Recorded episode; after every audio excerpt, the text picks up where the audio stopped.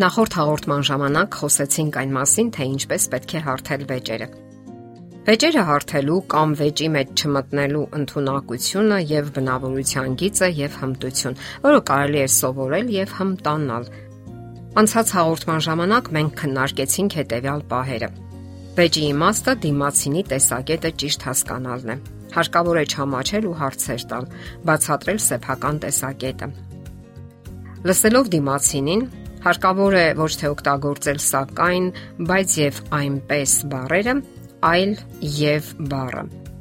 Շարունակենք զրույցը վեճերի եւ դրանց նպատակի վերաբերյալ։ Ինչ է անհրաժեշտ իմանալ վիճելու մասին։ Հարկավոր է հետևել ձայնի տոնին եւ մարմնի շարժումներին։ Ընտանեկան հոգեբան Մարիսա Նելսոնը գրում է. Նման մարդիկ հասկանում են, որ կարևոր է ոչ միայն այն, թե ինչ ենք ասում, այլ նաև այն, թե ինչպես ենք ասում։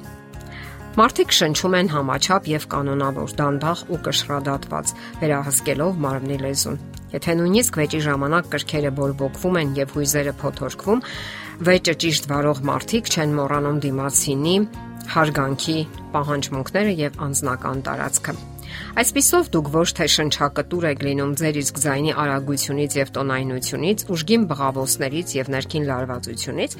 այլ վերահսկում եք ձեր հույզերը եւ պահպանում սառը դատողությունը։ Դա իսկ աղմուկ աղաղակի մասին խոսք անգամ չի կարող լինել։ Այս բոլորը պետք է վերահսկվի հասուն անznավորությունների կողմից։ Հաջորդ պահը վեճը վարելու։ Հարկավոր է ավելի շատ լսել, այլ ոչ թե համոզել։ Գործնական հարաբերությունների մասնագետ Պարզ է ասված, ինչպես արդյունավետ շփվել աշխատանքում, գրքի հեղինակ Ջեյ Սալիվանը գրում է. Դիտեք ցանկացած նորություն, լուրեր, թոք-շոուներ։ Հարցերի մեծ մասը սկսվում է հետևյալ արտահայտությամբ. Իսկ դուք չեք կարծում, որ Այսպիսի հարցերը չեն օգնում ավելի լավ հասկանալու դիմացինի տեսակետը, այլ նախատեսված են, որ զրուցակցին, այսպես ասած, անկյուն մտցնեն եւ գցեն ծուղակը։ Սրանք հարկավոր են միայն այն մարդուն, որը գիտակցաբար վեճեր ու տարաձայնություններ է որոնում կամ էլ հրահրում։ Նրանք, ովքեր կարողանում են լուծել վիճաբանությունները, հարցեր են տալիս։ Ահա մոտավորապես նման հարցեր։ Ինչու, ինչ, ինչպես Այս հարցերը զրուցակցին հարկադրում են խոսել, իսկ ձեզ լսել։ Միևնույն ժամանակ հնարավորություն են տալիս հասկանալու դիմացինի հայացքները կոնկրետ հարցի եւ իրավիճակի վերաբերյալ։ Ամբռնողությունն ու համբերությունը օգնում են, որ վեճը բանավեճային հուն մտնի, այլ ոչ կռվի կամ հակամարտության։ Իսկ դրա վերջնական նպատակը խնդիրը լուծելն է։ Հասկանալի է նաև, որ բոլորն էլ ցանկանում են հաղթող դառնալ վեճում, սակայն գործնական կյանքը ցույց է տալիս, որ առավել հաճախ կողմերը ոչ թե հաղթում են, այլ երկուսն էլ պարտվում են եւ այն էլ կապտուկներով։ Հաջորդ պահը վեճը ճիշտ վարելու։ Պետք է պատրաստ լինեք ներողություն խնդրելու։ Նման մտածումը կարող է տարօրինակ դիտվել մեր օրերում, սակայն པարզ ազնվությունը եւ արդարացիությունը, ինչպես նաեւ վեճի էթիկան պահանջում է, որ կողմերը վերքեր չստանան նման վեճերի արդյունքում եւ հոգեբանական ցնցումների չընթարկվեն։ Մարիսա Նելսոնը գրում է. Իմ փորձառության համաձայն հիմնախնդիրները սկսվում են այն պատճառով, որ վիճաբանողները չեն համակրում միմյանց եւ անազնիվ անթույլատրելի հնարքներ են կիրառում պատրաստ չլինելով ներողություն խնդրելու։ Իսկ երբեմն, երբ անգամ ներողություն են խնդրում, դրանք կարծես հեգնանք կամ ծաղր լինեն։ Նրանք, ովքեր կարողանում են արդյունավետ ձևով վիճել, պատասխան են տալիս իրենց խոսքերի համար եւ պատրաստ են ներողություն խնդրել, եթե որևէ անպատշաճ, անհարգալից կամ ոչ գեղեցիկ խոսքեր են թույլ տվել իրենց։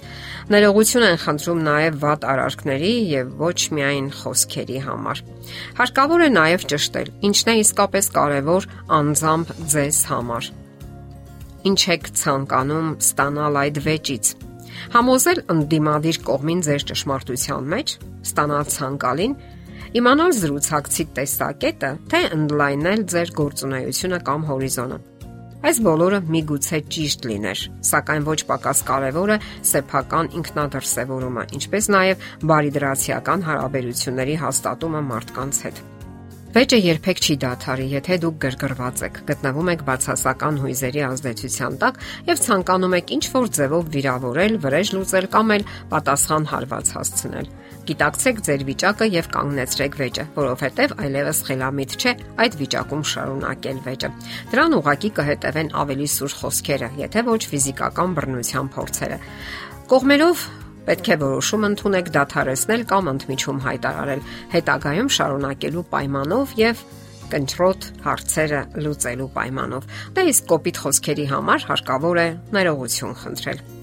Նաև մի այսպիսի խորհուրդ պետք չէ փորփրել անցյալը եւ միմյանց կենսագրությունը։ Շատերն են սիրում վեճերի ժամանակ փորփրել պատմությունը եւ հասնել ընդդուպ մինչև վաղ մանկություն, ներառյալ դիմացինի ժառանգականությունը։